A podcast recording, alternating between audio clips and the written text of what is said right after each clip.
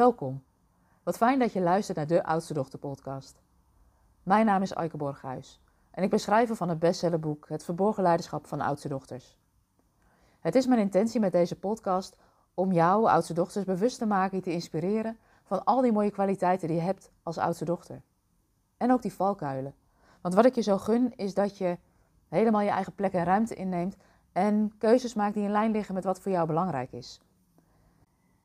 In deze aflevering wil ik graag met je stilstaan bij een valkuil die ik veel zie bij oudste dochters en zelf ook herken, je perfectionisme. Want hoe is dat eigenlijk voor jou? Zit jouw perfectionisme jou ook in de weg? Morgen is de deadline voor een belangrijk verslag. Als we een voldoende halen voor dit project, hebben we acht studiepunten binnen. En ik wil dit jaar geen studievertraging oplopen. Ik heb die dag al meerdere keren mijn mail geopend en ik zie eindelijk de mail binnenkomen van een van mijn medestudenten. Het is drie uur later dan afgesproken en als ik de bijlagen open kan ik wel janken.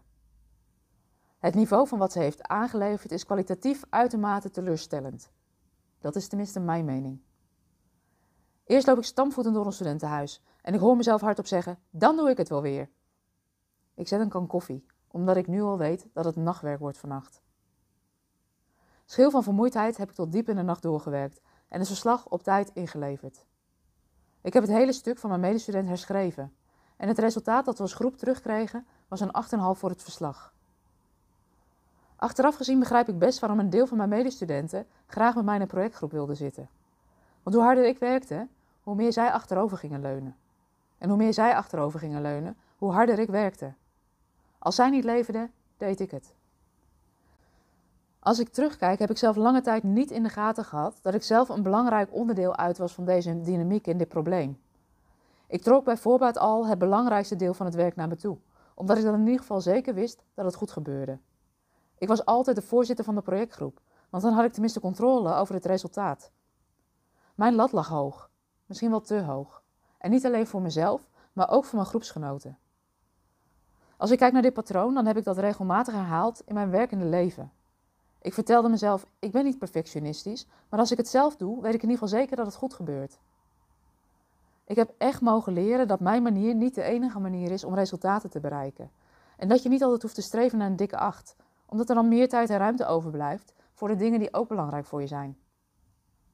En stel jezelf maar eens de vraag: hoe is dat eigenlijk voor jou? Perfectionisme is een valkuil die veel oudste dochters herkennen en die je onnodig veel tijd en energie kost. Tijd en energie die je niet kan steken in de mensen en dingen die ook belangrijk voor je zijn. Dat perfectionisme komt vaak voort uit de angst om niet te willen falen of niet goed genoeg te zijn.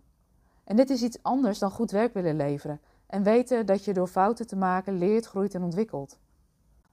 Als je in je perfectionisme schiet, dan sta je vaak niet meer op je volwassen plek, maar je neemt die bovenpositie in. Je wordt onbewust de ouder van je projectgroep of in je werk van het team dat je leidt of van je teamcollega's. Wat er dan gebeurt is dat je harder werkt dan nodig is of dat goed voor je is. En dat je vaak meer eigenaarschap naar je toe trekt dan passend is. Het is dus belangrijk dat je weer op je volwassen plek gaat staan. Want als je op je volwassen plek gaat staan, dan word je weer gelijkwaardig aan je groepsgenoten. Een mooie vraag die je jezelf zou kunnen stellen is: wat zou je kunnen doen of wat zou je willen doen met de tijd en ruimte die overblijft als je eens op de lat ging zitten in plaats van die lat steeds hoger te leggen voor jezelf? Aan de ene kant heb je dus te maken met het perfectionisme van oudste dochters, waardoor ze de lat steeds hoger leggen voor zichzelf. En aan de ene kant kan dat zich uiten door heel hard te werken. Een ander patroon wat ook kan ontstaan, is dat je gaat uitstellen als oudste dochter. Dus dat je aan bepaalde dingen niet gaat beginnen, omdat je denkt dat, ja, dat je het niet kan, of dat het te ingewikkeld is, of dat het te moeilijk is. En daarmee ontneem je jezelf als oudste dochter ook belangrijke groeikansen en ontwikkelkansen. En wat je daarin ziet is dat perfectionisme ook vaak ontstaat doordat je ontzettend gericht bent op wat je omgeving en de buitenwereld van je vindt. En dat je eigenlijk niet durft te vertrouwen op wat je al weet, wat je al kan. En perfectionisme is gewoon een valkuil, want het betekent dat je jezelf belangrijke leerkansen ontneemt. Want het is juist de bedoeling dat niet alles perfect is, want dan kan je leren, groeien en ontwikkelen. En eerlijk is eerlijk, perfectionisme is gewoon saai. Hiermee zou ik deze podcast willen stoppen. Wil je meer weten over de kwaliteiten en valkuilen van oudste dochters? Dan is het boek Het Verborgen Leiderschap een mooi vertrekpunt om te ontdekken wat jouw kwaliteiten zijn en wat je valkuilen. En ik zal de link ook even zetten in de aantekeningen bij deze aflevering. En daarmee wil ik je ook bedanken voor het luisteren. En wat ik je gun als oudste dochter is ga eens op die lat zitten in plaats van hem steeds hoger te leggen. Voor nu wens ik je een hele fijne dag en tot een volgende aflevering.